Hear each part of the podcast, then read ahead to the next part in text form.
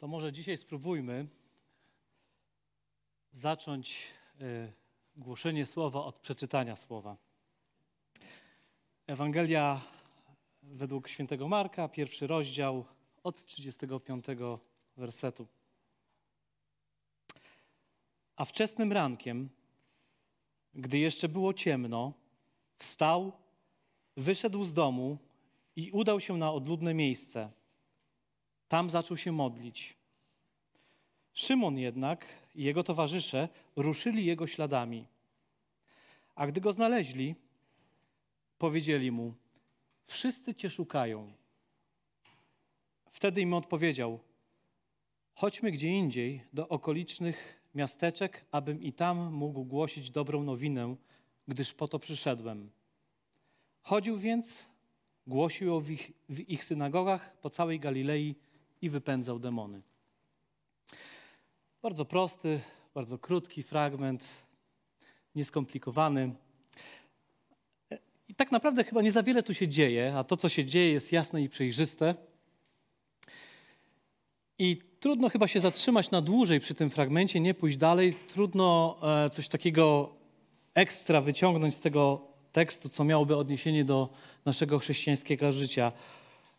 Przynajmniej tak się wydaje, taka po prostu chwila oddechu pomiędzy jednymi wydarzeniami a, a, a drugimi. Jednak gdy weźmiemy szerszy kontekst, gdy przyjrzymy się temu, co się działo od początku Ewangelii Marka, fragment po fragmenciku, i gdy przyjrzymy się tak szczególnie bliżej e, temu, co się działo tuż przed tym naszym e, fragmentem, i zobaczymy, gdzie ten nasz tekst jest osadzony, to okaże się, że nasz fragment e, może się okazać niezwykle ciekawy, może nawet pomocny, a być może nawet będzie e, w pewnym sensie przestrogą przed niewłaściwym myśleniem, niewłaściwymi e, postawami. Nie wiem, kilka tygodni temu chyba, albo kilkanaście tygodni temu, pastor Zbyszek podjął się trudnego zadania E, podsumowania 11 rozdziałów listu do Rzymian. Świetnie mu poszło, a ja mu pozazdrościłem, ale poprzeczkę składam trochę niżej i spróbujmy przyjrzeć się łatwiejszemu tekstu, tekstowi Ewangelii Marka, nie 11 rozdziałom, tylko pierwszemu rozdziałowi i to niecałemu. I chciałbym zaproponować tutaj spojrzenie na to, co się dzieje od początku Ewangelii, jak na konwersację. A to dlatego, że życie jest konwersacją. To się może wydawać takim dziwnym stwierdzeniem, bo my zwykle nie mamy czasu na myślenie, nie mamy czasu na rozmowy, ale jak się tak zatrzymamy i przyjrzymy życiu, to można zauważyć, że życie jest rozmową. A to słowo konwersacja jest połączeniem dwóch łacińskich słów: kon co oznacza wespół, razem, z i versare, co oznacza obracanie. Czyli wejście w konwersację to jest skłonienie się do siebie nawzajem, to jest obrócenie się e, do siebie wzajemnie. I wszystko, co robimy w życiu, to jest e, właśnie zwracanie się do siebie nawzajem. I życie jest rozmową. A rozmowa to nic innego jak zadanie pytania, e, udzielenie odpowiedzi, które prowadzi do następnego pytania, do następnej odpowiedzi. I nie wiem, na ile zdajemy sobie z tego sprawę, ale, ale życie obraca się na poszukiwaniu pytań i odnajdywaniu odpowiedzi. I konwersacja to jest podróż od pytania do odpowiedzi. Ale jeszcze jedna ważna rzecz przy konwersacji. Ona się zaczyna zwykle od problemu. Problem to jest dystans pomiędzy tym, co jest, a tym, co powinno być. I w wyniku tego problemu powstaje pytanie. Nie odpala nam samochód. Dzwonimy do mechanika z pytaniem, czy może nam pomóc. Któregoś dnia jesteś pod prysznicem, kąpiesz się, dotykasz szyi, wyczuwasz guz, idziesz do lekarza z pytaniem, co to może być. I w relacjach nie da się uniknąć, nie da się uciec od pytania, na które dostajemy odpowiedź, które prowadzi do następnego pytania. Żona pyta męża: Kochanie, możesz wyrzucić śmieci? Mógłbyś? No mógłbym, ale mąż odpowiada, ale dlaczego ja? No bo jesteś pod ręką. A jesteś czymś mocno zajęty? Dopiero usiadłem. A co robiłeś wcześniej? Leżałem. Od pytania do odpowiedzi. A to jest błaha rozmowa, ale życie składa się z konwersacji, które e, mają poważne pytania i oczekują poważnych odpowiedzi. Tak naprawdę są dwa pytania, na które nie oddzielamy odpowiedzi. To jest pytanie o datę urodzin, datę śmierci, a wszystko, co jest pomiędzy tym, wymaga naszej e, odpowiedzi. I w Biblii e, spotykamy autorów, bohaterów, którzy włączają się w rozmowy e, z ludźmi, których spotykają. My jesteśmy przyzwyczajeni do tak biblijnej komunikacji pochodzącej od słowa keruso, a to znaczy mówić w czyimś imieniu. To, znamy to jako kazanie. Jesteśmy, ale w Biblii też jest y, inna forma, jeśli chodzi o komunikację, inne słowo, dialogicomai. Od tego mamy słowo dialog. A dialog to jest połączenie dwóch greckich słów, dialogos, słowo pomiędzy nami. Słowo, które wchodzi pomiędzy nas, to słowo od Boga, które określa naszą konwersację. I Biblia to jest suma odpowiedzi na pytania, które Bóg chciałby, abyśmy mu, my mu zadali. My często podchodzimy do Boga czy do Biblii z własnymi pytaniami, a okazuje się, że Bóg ma odpowiedzi, przygotował odpowiedzi na pytania, które On jest przekonany, że powinniśmy zadać. A zatem poszukujemy Bożych odpowiedzi na Boże pytania. I zatem spróbujmy właśnie przyjrzeć się tak pokrótce tej biblijnej konwersacji, którą mamy od początku Ewangelii Marka. Pierwsze osiem wersetów tej Ewangelii. Tutaj Marek zapowiada początek dobrej nowiny o Jezusie Chrystusie. Jakbyśmy chcieli być precyzyjni, to Marek na, napisał początek dobrej nowiny Jezusa Chrystusa. Dobra nowina jest wtedy, gdy jest coś źle. Bo jeżeli wszystko jest w porządku, to nie musisz przychodzić do mnie z dobrą nowiną. A co jest źle, co jest nie tak, pokazuje e, to, co się dzieje w rzece Jordan. I tutaj Jan Chrzciciel nawołuje ludzi do opamiętania, do metanoi, czyli do zmiany sposobu myślenia o sobie. Nawołuje do przyznania się do grzeszności. I stojąc w kolejce do Jana po chrzest, ludzie tym samym przyznawali się do grzechu. A problem e, jest w tym, że wychodząc z wody, ludzie wiedzieli, że na ile rozprawili się z przeszłością, to dalej mają problem ze swoją przyszłością. Dlatego, że dalej są grzeszni, dalej ich natura, ludzka natura się nie zmieniła dalej serce jest chore. A więc tutaj widzimy, że problemem jest niewola grzechu. A pytaniem jest, kto wyzwoli mnie e, z niewoli grzechu? I zauważmy, że to dlatego Jan mówi o Jezusie w ósmym wersecie: Ja was chrzciłem w wodzie, on natomiast ochrzci was w Duchu Świętym. Musi ktoś przyjść, kto dotknie naszego wnętrza, ktoś, kto ma moc zmienić nas od wewnątrz. Więc tutaj dowiadujemy się, że dobra nowina w Jezusie, Jezusa Chrystusa, w Jezusie Chrystusie jest dostępna dla skończonych grzeszników, czyli ludzi, którzy doszli do przekonania, że, że są, w niewoli, w grze, są w niewoli grzechu i nie są w stanie sobie pomóc i potrzebują kogoś, aby ktoś zmienił ich od wewnątrz. Ale to nas stawia przed pytaniem, no skąd wiemy, że to Jezus? Że to Jezus może być dobrą nowiną. Na przestrzeni wieków wielu przychodziło i obiecywało poprawę sytuacji politycznej, ekonomicznej, społecznej. Wielu było takich jak nasi politycy. I nic się nie zmieniło. Skąd możemy wiedzieć, że to Jezus jest dobrą nowiną? Co uwiarygodnia Jezusa? I tutaj z pomocą przychodzi nam następny krótki fragment Ewangelii Marka, wersety kolejne od 9 do, do 13. I mamy tutaj dwa wydarzenia. Tutaj czytamy o chrzcie Jezusa oraz o, o tym, że Jezus zostaje na pustyni poddany próbie. Jezus stojąc w kolejce po chrzest do Jana, stał pomiędzy grzesznikami. Z przodu grzesznik, z tyłu grzesznik. On nie musiał tam stać, ale stanął. I w ten sposób zidentyfikował się z grzesznikami. A po chrzcie, pamiętacie co było po chrzcie? Rozległ się głos Boga Ojca. Ty jesteś moim ukochanym synem, źródłem mojej radości. Nie stałeś się, ale jesteś źródłem radości.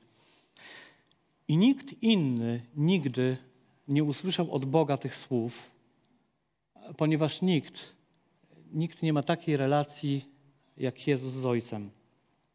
A potem Duch Święty e, wzbudza pragnienie u Jezusa e, do tego, by udał się na pustynię.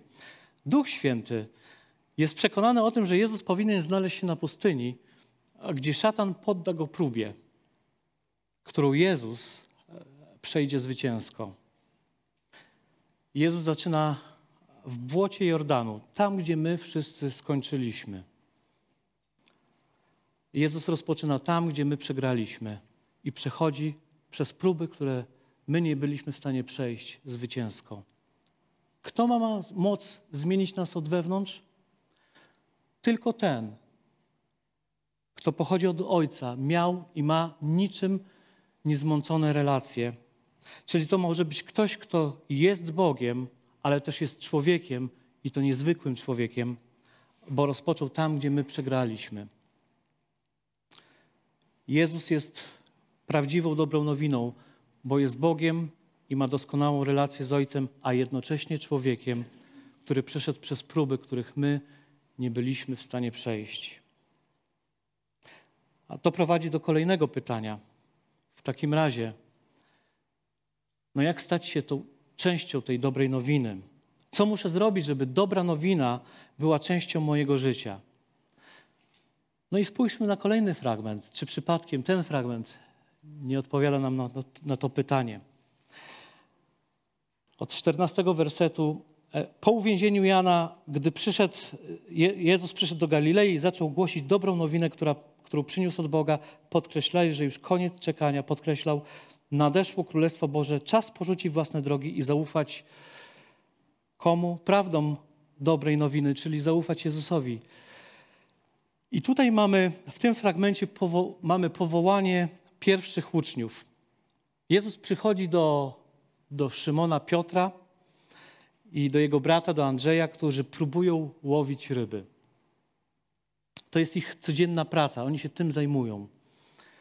I wzywa ich do tego, by, aby poszli za nim, a on uczyni ich rybakami ludzi. No i oni zostawiają e, to, co robili, i idą za Jezusem. Czyli relacja z Jezusem staje się dla nich ważniejsza niż to, co robią. A zaraz potem Jezus Y, podchodzi do, do kolejnych dwóch braci, Jakuba i Jana, którzy też pracują i naprawiają sieci ze swoim ojcem i też ich wzywa. I to jest ciekawe, bo w przypadku Piotra i Andrzeja ewangelista Marek wskazuje, że zostawili sieci, a w przypadku Jana i Jakuba napisał, zostawili ojca. Chcę nam pokazać coś jeszcze. Okazuje się, że relacja z Jezusem jest ponad wszystkie inne relacje. Żeby być częścią dobrej nowiny, musisz być częścią Jego misji. A żeby być częścią Jego misji, musisz mieć relację, być w relacji z Jezusem, w której to Jezus określi, co jest najważniejsze w Twoim życiu. I to Jezus określi najważniejsze relacje w życiu. Czyli, żeby być częścią dobrej nowiny, musisz uwierzyć w Jezusa, a żeby uwierzyć w Jezusa, musisz zdecydować, czy za nim pójdziesz. No i Jeśli by podsumować jednym zdaniem ten ostatni fragment, to chyba trzeba było powiedzieć, że kiedy zmienisz myślenie o Jezusie do tego stopnia, że w pełni Mu zaufasz i pójdziesz za Nim całym swoim życiem, to On nada wieczności, wiecznej wartości Twojemu życiu i temu, co robisz. Tylko pomyślmy teraz, gdybyśmy my byli na, na, na tym brzegu jeziora, Jezus by podszedł i powiedział do nas: Pójdź za mną, chodźcie za mną. I my byśmy zdecydowali się pójść, to, no to, jakie, to co by nam przyszło do głowy? On woła nas na misję. No o czym będzie ta misja? Co tak naprawdę będzie się działo? Co to będzie? No i w ten sposób przechodzimy do kolejnego fragmentu Ewangelii Marka, 21 i y, werset do 24. To już, jest, już się zbliżamy do naszego początkowo przeczytanego fragmentu. I co tutaj mamy? Jezus i uczniowie są w Kafarnaum, jest szabat, Jezus naucza w synagodze. Jego nauka e, wzbudza ogólne zdumienie i różni się e, od tego, co ludzie dotychczas słyszeli od znawców prawa. A potem okazuje się, że w synagodze jest człowiek opętany przez demona. Jezus wypędza e, demona z człowieka, a potem znajdujemy się w domu Piotra, gdzie Jezus uzdrawia teściową Piotra, a ona zaczyna im usługiwać. I już wiemy, po co są teściowe. Ale panowie, zięciowie i przyszli zięciowie, to nie jest przesłanie tego tekstu. Tutaj mamy dwie ważniejsze sprawy. Dwie istotne sprawy. Zauważmy, gdzie się misja zaczyna. W synagodze. Tam, gdzie się zbierają ludzie, tam, gdzie jeden siedzi obok, drugiego. A potem kilka kroków jesteśmy w domu Piotra i jego rodziny. I gdzie się misja zaczyna? Tam, gdzie są ludzie, tam, gdzie są relacje. My czasem myślimy odwrotnie. Najpierw chcemy stworzyć jakąś super służbę, może jakiś projekt, a potem szukamy ludzi do tego. Ja pamiętam dawne czasy, kiedy e, byłem częścią zespołu pastoralnego na Puławskiej, jak do pastora Zbyszka albo do mnie ktoś przychodził i czasem ktoś deklarował, chcę służyć, mogę robić cokolwiek, tam gdzie jest potrzeba. No a czasem zdarzało się tak, że ktoś przychodził do pastora z pretensjami i mówił, no pastorze zorganizuj mi jakąś służbę, no bo, no bo ja bym chciał służyć, a nie mogę. No, w misji Kościoła powinno być inaczej. Zauważmy nawet ostatnie czasy tutaj u nas. Nikt nie tworzył punktu pomocy uchodźcom, zanim się oni pojawili. Na kilka tygodni wcześniej nikt nie miał takiego planu, programu. Nikt tego nie robił, tylko jak okazało się, że ulice dalej jest pełno ludzi, którzy potrzebują pomocy, to społeczność po prostu zakasała rękawy, by pomagać innym.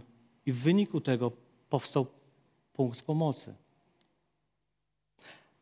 Tak więc zamiast czekać, aż coś pastor zorganizuje, po prostu trzeba iść do ludzi tam, gdzie są. To jest jedno. A druga sprawa to już na samym początku misji, misji w działaniu, mamy konfrontację. I z kim ta konfrontacja jest? Z szatanem. I, i zobaczmy, jakie tam pytanie pada w stronę Jezusa. Czy przyszedłeś nas zniszczyć? Jezus zaczyna od synagogi i głoszenia prawdy. Głosi jak, jak nikt inny. Dlaczego? Dlaczego tak jest powiedziane?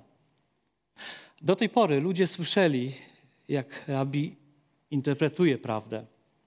Czasem powołuje się na, na, na to, co jakiś inny uczony powiedział. I to jest tak, że my czasem też robimy to, powołując się na tych czy innych komentatorów biblijnych. My i uczeni w piśmie mówimy, e, co nam się wydaje odnośnie prawdy, jakie mamy zrozumienie. Jezus mówił prawdę bezpośrednio ze, ze źródła prawdy.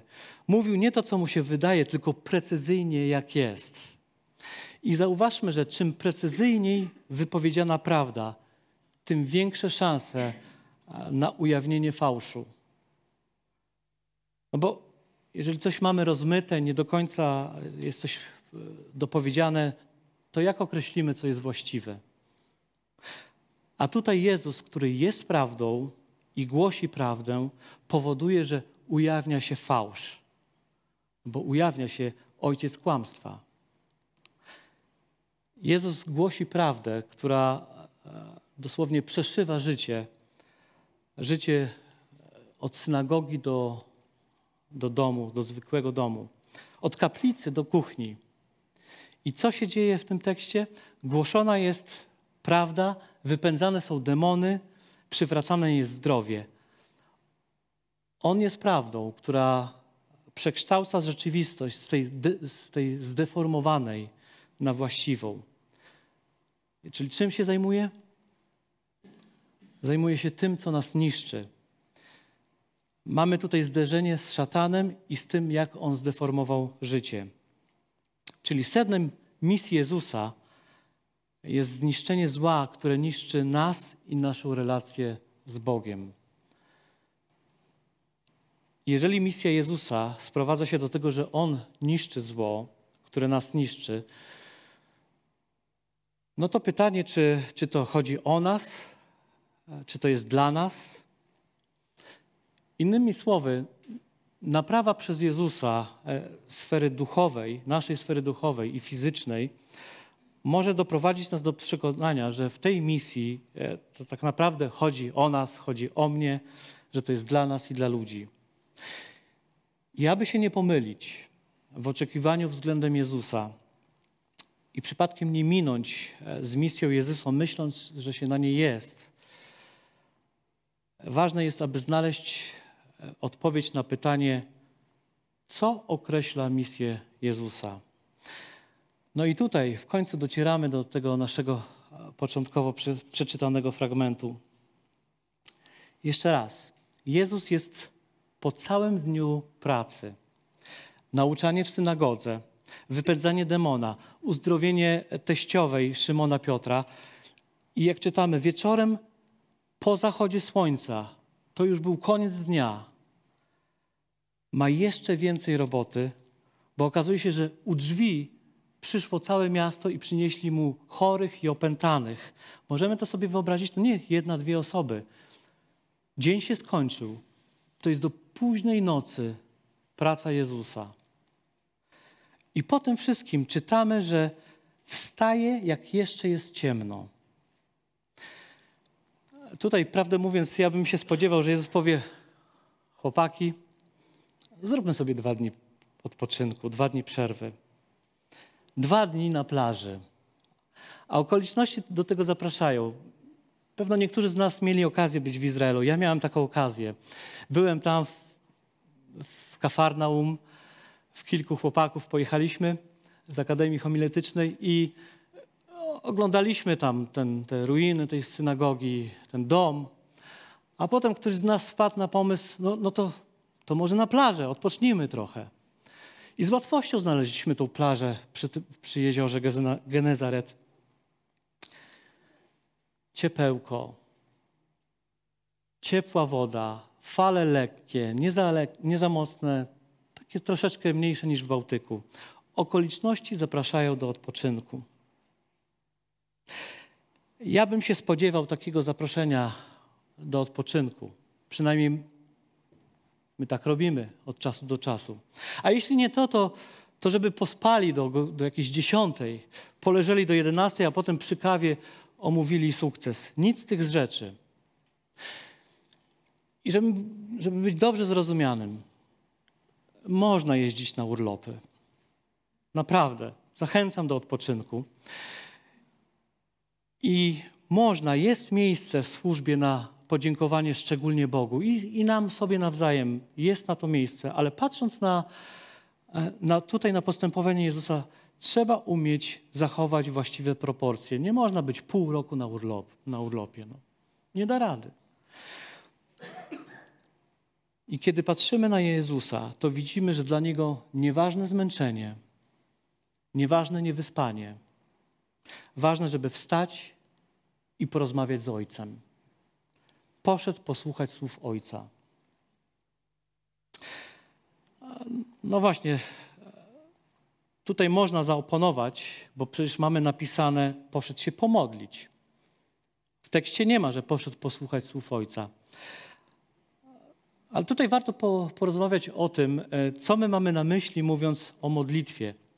Warto porozmawiać, tak naprawdę ja będę mówił, co się dzieje dosyć często w naszych modlitwach. Na przestrzeni 20 lat byłem i jestem częścią grup domowych, w których studujemy Biblię. Czasem takie grupy jako pastor odwiedzałem. I na takim spotkaniu po, po godzinnym, dwugodzinnym studium, w którym odkrywaliśmy albo i nie prawdę e, i znaczenie danego tekstu e, w życiu, przychodził czas modlitwy. I nie zawsze, ale e, dosyć często ten czas sprowadzał się do tego, że zgłaszaliśmy prośby odnośnie naszego życia osobistego. Proszę, pomódlcie się za mnie o to i o to. Ktoś inny mówi, a ja proszę o to i o to. I rzadziej e, słyszałem modlitwy odnośnie usłyszanej prawdy. My mówiąc o modlitwie, e, często myślimy, że ona się składa z elementu naszego mówienia, a doświadczenie też pokazuje, że e, drugim elementem jest mówienie o sobie. I zapewne jest na to miejsce, ale modlitwa to jednak znacznie, znacznie coś więcej. Uczniowie niejednokrotnie spotykali Jezusa na modlitwie. Czasem Jezus ich zapraszał, aby mu towarzyszyli w jego modlitwie, a czasem tak jak teraz, znaleźli go. I któregoś razu uczniowie poprosili, aby on nauczył ich modlić się. Pamiętamy? My to nazywamy modlitwą pańską. No to jak brzmi modlitwa pańska? Ojcze nasz, któryś jest w niebie, święci imię Twoje, przyjdź królestwo Twoje, bądź wola Twoja. Ta modlitwa zaczyna się od wizji Ojca, tego, kim On jest, od Jego świętości, Jego woli. I prowadzi gdzie? Chleba naszego powszedniego daj nam, nie mi dzisiaj. Odpuść nam nasze winy, jako i my odpuszczamy naszym winowajcom i nie wódź nas na pokuszenie, ale nas zbaw ode złego. Prowadzi do wizji Bożej rodziny. Czyli modlitwa to rozmowa o Ojcu, o tym, czego On pragnie dla swojej rodziny. W modlitwie nie chodzi tyle o nas, co, co o Boga Ojca i o Jego sprawy, Jego wolę i o Jego rodzinę, Bożą rodzinę. No to teraz pomyślmy, żeby mieć właściwą wizję Ojca, tego, kim On jest, Jego świętości. No spróbujmy bez przysłuchania się Jemu mieć właściwą wizję. Żeby mieć właściwą wizję Boga, Jego świętości, tego, co On chce, musisz się Mu przysłuchać. I to nie tego, co Ci w duszy gra, ale prawdzie z Jego słowa. No i zobaczcie, zamiast Jezus, zamiast odpocząć po trudach misji, cichutko się wymyka, aby porozmawiać z Ojcem, bo wie, że w misji wszystko jest zależne od Boga Ojca. No i znowuż tu warto się przyjrzeć naszemu życiu. Bo przypuszczam, że gdybym zapytał, kto jest przekonany o tym, że jego życie jest uzależnione od Boga, to większość z nas podniosłaby ręce. Warto się tutaj przyjrzeć życiu, naszemu życiu, bo co innego jest złożyć deklarację. E, wszystko w moim życiu i służbie zależne jest od Boga, a co innego to pokazać. Warto się za, za, zastanowić na przykład od tego, od czego zaczynamy dzień. Jak często w pierwszym odruchu sięgamy po Słowo Boże, a jak często po Facebooka czy Twittera. Ile razy wieczorem dopiero sobie przypominamy, że może bym coś posłuchał od Boga, ale już spać się chce. Warto się nad tym zastanowić.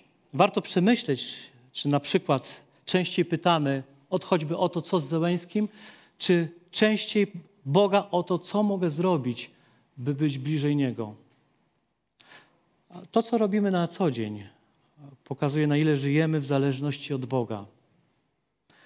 Warto to przemyśleć, bo usłyszenie od Ojca w modlitwie jest podstawą do wypowiedzenia prawdy od Boga dla ludzi. I potem w tym krótkim tekście ujawnia się całe jego napięcie, bo uczniowie koniecznie chcieli znaleźć Jezusa, poszli jego śladami, sprawdzili, gdzie on poszedł, a gdy go znaleźli, powiedzieli mu: Wszyscy cię szukają. Dlaczego? Misja Jezusa no, wystrzeliła jak rakieta. Zaczęło się od jednego opętanego w synagodze, a potem całe miasto się zeszło. Wieść po, po Galilei szybko się rozniosła. Zaspokojeniu potrzeb końca nie widać.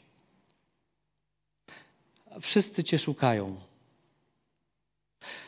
Wyobraźmy sobie, jakby to, co zrobił Jezus, stało się u nas tutaj na Puławskiej. To liczba odwiedzających naszą społeczność e, na pewno w znaczący sposób przekroczyłaby liczbę uchodźców, którym e, dotychczas pomogliśmy. Tu by były wycieczki z całej Polski, może nawet telewizja by przyjechała. No takie rzeczy jakby się działy. I nie ma się co dziwić. No bo jako ludzie mamy swoje bolączki i niedomagania. Mamy swoje cierpienia. Mamy swoje potrzeby, które odczuwamy. Ludzie szukają Jezusa, bo go potrzebują, bo go chcą.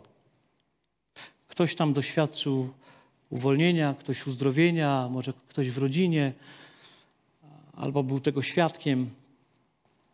Ludzie usłyszeli o tym, co zrobił Jezus, czego dokonał, i dlatego mają jakieś oczekiwania względem Niego.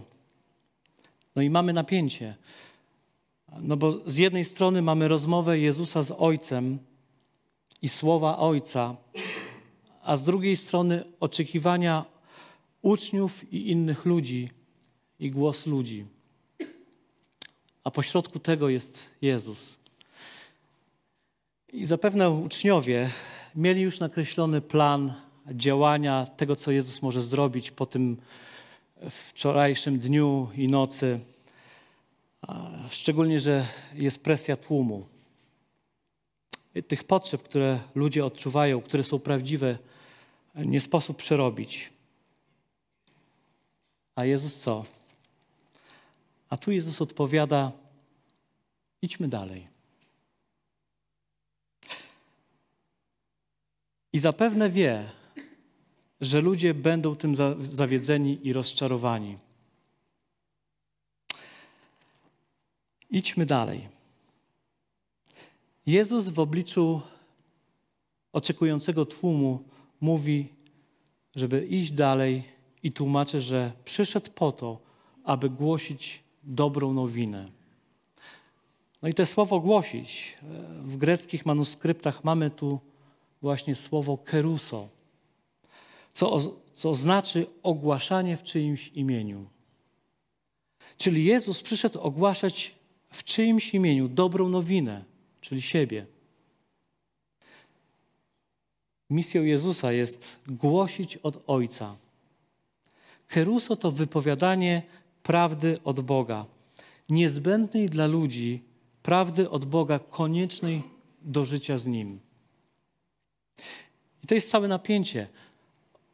Odczuwalne pragnienia versus te najgłębsze, rzeczywiste potrzeby. I zaspokojenie e, tych odczuwalnych potrzeb to tak naprawdę zajęcie się e, skutkami problemu a wypełnienie najgłębszych rzeczywistych potrzeb to dotarcie do przyczyn, to, to zniwelowanie tych przyczyn. Jeżeli ciągle boli cię głowa, a ty wciąż bierzesz apap, to zaspokajasz odczuwalną potrzebę uśmierzenia bólu. To jest zajęcie się skutkami, podczas gdy należy dojść do przyczyny bólu głowy. I niektórzy lekarze nawołują, przestań, przestań brać środki przeciwbólowe, a zajmij się przyczyną. I to jest dla nas naturalne. My chcielibyśmy zmiany y, czy poprawy tu i teraz, natychmiast. Poprawy tego, co odczuwamy. Bóg natomiast chce zająć się przyczyną. Choroby czy zniewolenia to są tylko skutki, skutki zdeformowanej rzeczywistości. Tymczasem przyczyną jest grzech i to jest rzeczywista choroba. A to, czego potrzebujemy od Boga, to, to prawdy. Prawdy, która objawia się w dobrej nowinie. To oznacza, że to Bóg Ojciec wie, co jest najlepsze dla ludzi. Dlatego Jezus, skoro świt, poszedł porozmawiać z Ojcem, a potem, wbrew oczekiwaniom ludzi, poszedł dalej. No i pytanie, co określa e, misję Jezusa? Nie głosy ludzi, tylko słowo Ojca. Ludzie odczuwają jakieś potrzeby, a Jezus zaraz po rozmowie z Bogiem zostawia ich, by, by głosić słowo od Boga. Po to przyszedłem, powiedział, i idzie dalej. Czyli Jezus jest przekonany, że to Bóg Ojciec najlepiej wie, co jest najważniejsze dla ludzi, a nie odczucia ludzi odnośnie tego, co jest najważniejsze. A to oznacza, że ta misja nie jest dla ludzi, ale ona ma służyć Bogu, żeby przywrócić ludzi do Boga. Misja Jezusa jest określona przez słowo Boga, a nie głosy ludzi. Czyli Jezus jest tutaj sługą prawdy, prawdy od Boga, która ma być skierowana do ludzi. Ale jaki to ma związek z naszym życiem? Co to oznacza dla mnie i jakie, jakie ma to zastosowanie? No po pierwsze, nie, po, nie pomylimy się względem oczekiwań odnośnie Jezusa i sami w tej misji nie pomylimy się odnośnie tego, co należy robić.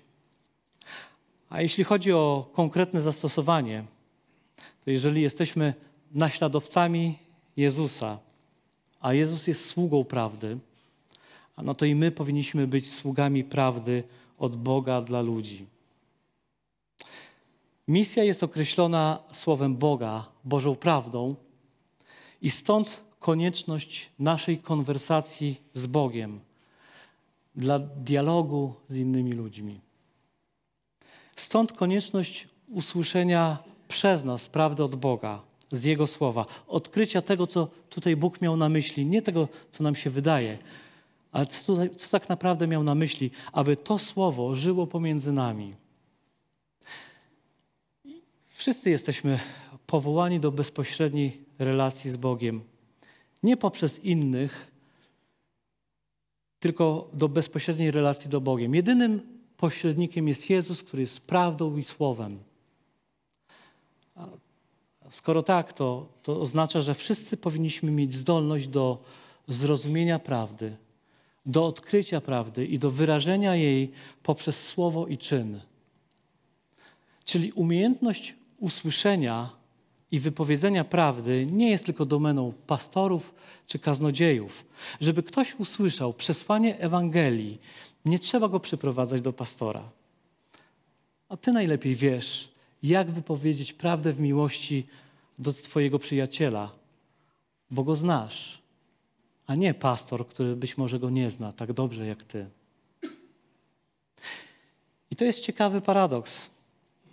Z jednej, bo z jednej strony jesteśmy powołani do bezpośredniej relacji z Bogiem, czyli musimy mieć zdolność do zrozumienia prawdy, ale to się nie dzieje bez innych ludzi.